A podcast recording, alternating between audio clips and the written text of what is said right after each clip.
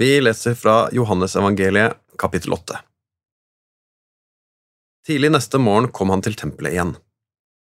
Hele folkemengden samlet seg om ham, og han satte seg og begynte å undervise dem. Da kom de skriftlærde og fariseerne med en kvinne som var grepet i ekteskapsbrudd. De førte henne fram og sa, Mester, denne kvinnen er grepet på fersk gjerning i ekteskapsbrudd.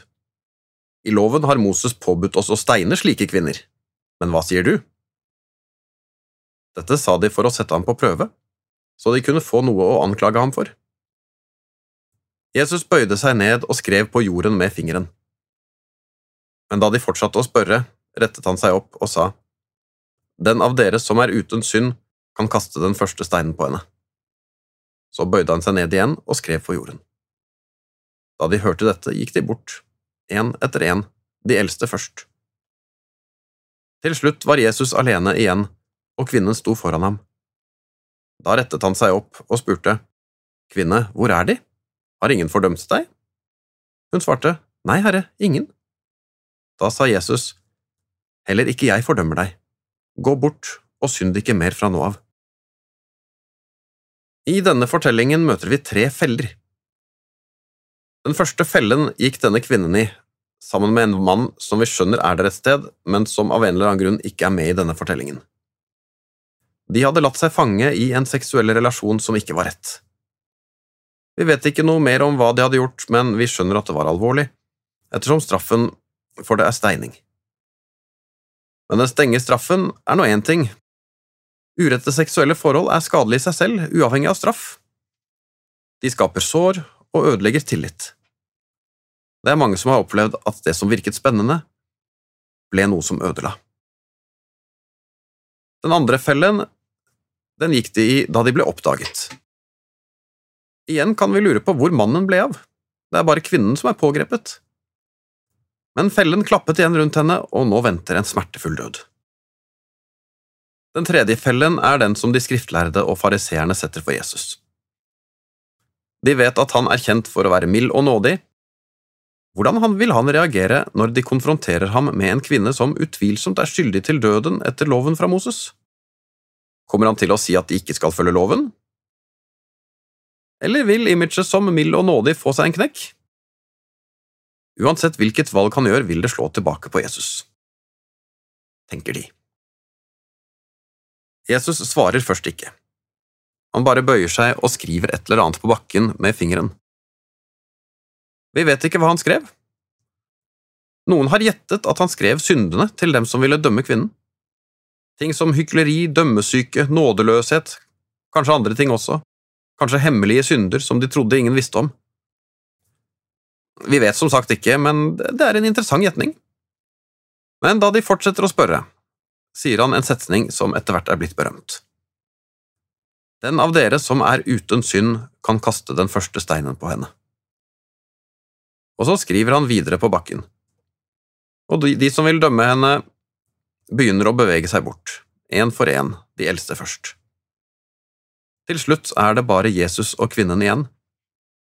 Først da snakker Jesus til henne, og vi skjønner det smarte trekket Jesus har gjort. Jesus har nemlig noe å si til denne kvinnen, men han vil ikke gjøre det mens de andre hørte det.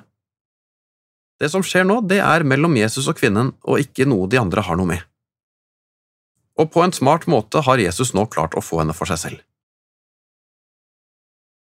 Og Vi skal merke oss hva Jesus sier, og også hva han ikke sier. Han sier ikke at det som hadde skjedd, ikke var så farlig, at det ikke gjorde noe, eller at det var uflaks men han gir henne to store gaver. For det første dømmer han henne ikke. Han er den eneste der som er uten synd, og som faktisk kunne ha kastet den første steinen på henne. Men han velger å ikke gjøre det. I stedet sier han at heller ikke jeg fordømmer deg. Og dermed har han fridd henne ut av fellen som de skriftlærde og fariseerne hadde fått henne i. Og så sier Jesus en viktig ting til, og det er gå bort og synd ikke mer fra nå av. Og det er den andre store gaven han gir henne. For, for med det frir han henne ut av den første fellen, som den usunne relasjonen hun hadde rotet seg borti var. Han setter henne fri til å gå bort og starte et nytt liv, fritt for ødeleggende bindinger. På den måten viser han at det hun hadde gjort, slett ikke var noe som var greit og ikke gjorde noe, men han gir henne en ny start. Denne kvinnen ble frelst, og frelst betyr det samme som å bli satt fri. Hun ble både satt fri fra skylden hun hadde pådratt seg, fordi Jesus tilga henne, og hun ble satt fri til et nytt liv, uten usunne relasjoner.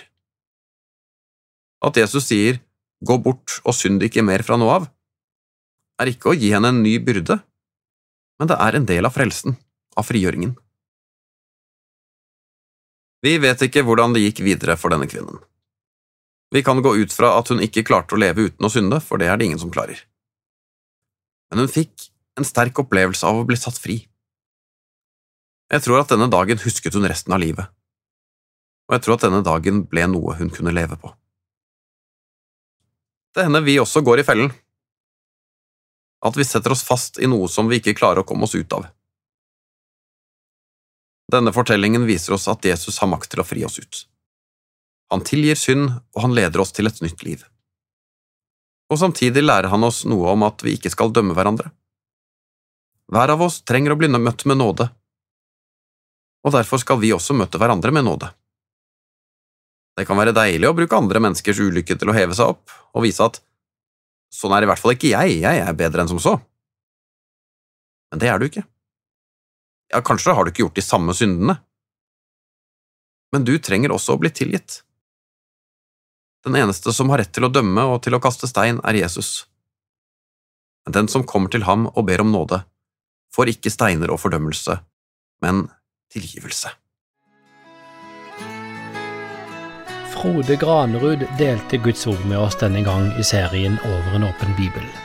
Den produseres av Norea Mediemisjon, og du finner vårt rikholdige arkiv av andakter på norea.no.